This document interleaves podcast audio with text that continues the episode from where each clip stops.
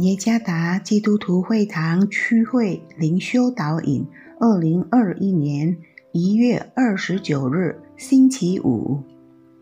主内弟兄姐妹们平安。今天的灵修导引，我们要借着圣经马太福音第十章三十七节来思想今天的主题。我已经决定要跟随耶稣。作者陈顺安传道。马太福音第十章三十七节：爱父母过于爱我的，不配做我的门徒；爱儿女过于爱我的，不配做我的门徒。我已经决定要跟随耶稣。这首歌我们当然不感觉陌生。这首歌的歌词摘取来自印度东北部村庄。阿萨姆的一名男人说的最后一句话。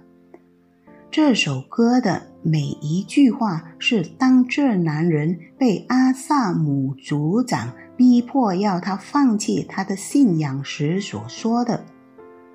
尽管他的儿子、妻子甚至自己都有死亡的威胁，但他并不颤抖。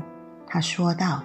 我已经决定要跟随耶稣，虽无人同行，我也要跟随。世界在背后，十架在前头。这首我已经决定要跟随耶稣歌中的故事，乃是上帝要他每个门徒实行的真理。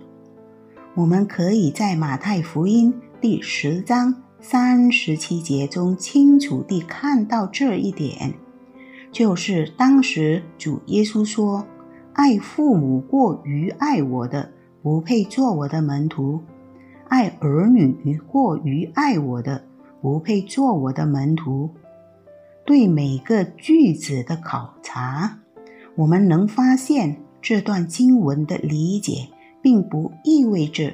基督门徒不可以爱他们的父母、儿子或女儿或其他家人，但是对这段经文的理解是，在门徒的生活中，他们对家庭的爱不比对基督的爱更多。基督成为他们生命中的首位，因此，基督不会因家庭成员的缘故而被抛弃。如果他们把基督成为他们生命中的首位，那么他们将获得正确的理解如何去爱并尊重家人。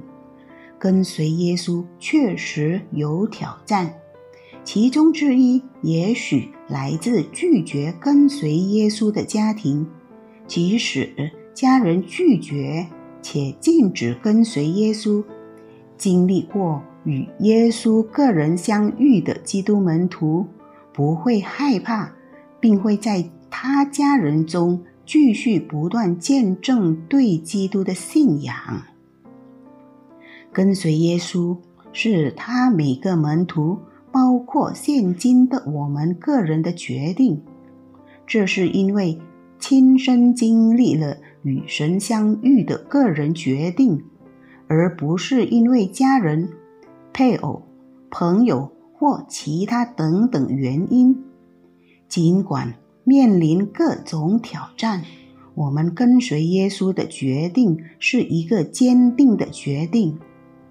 我们未相信的家人可能拒绝并强迫我们否认对基督的信仰，也有可能来自社会环境。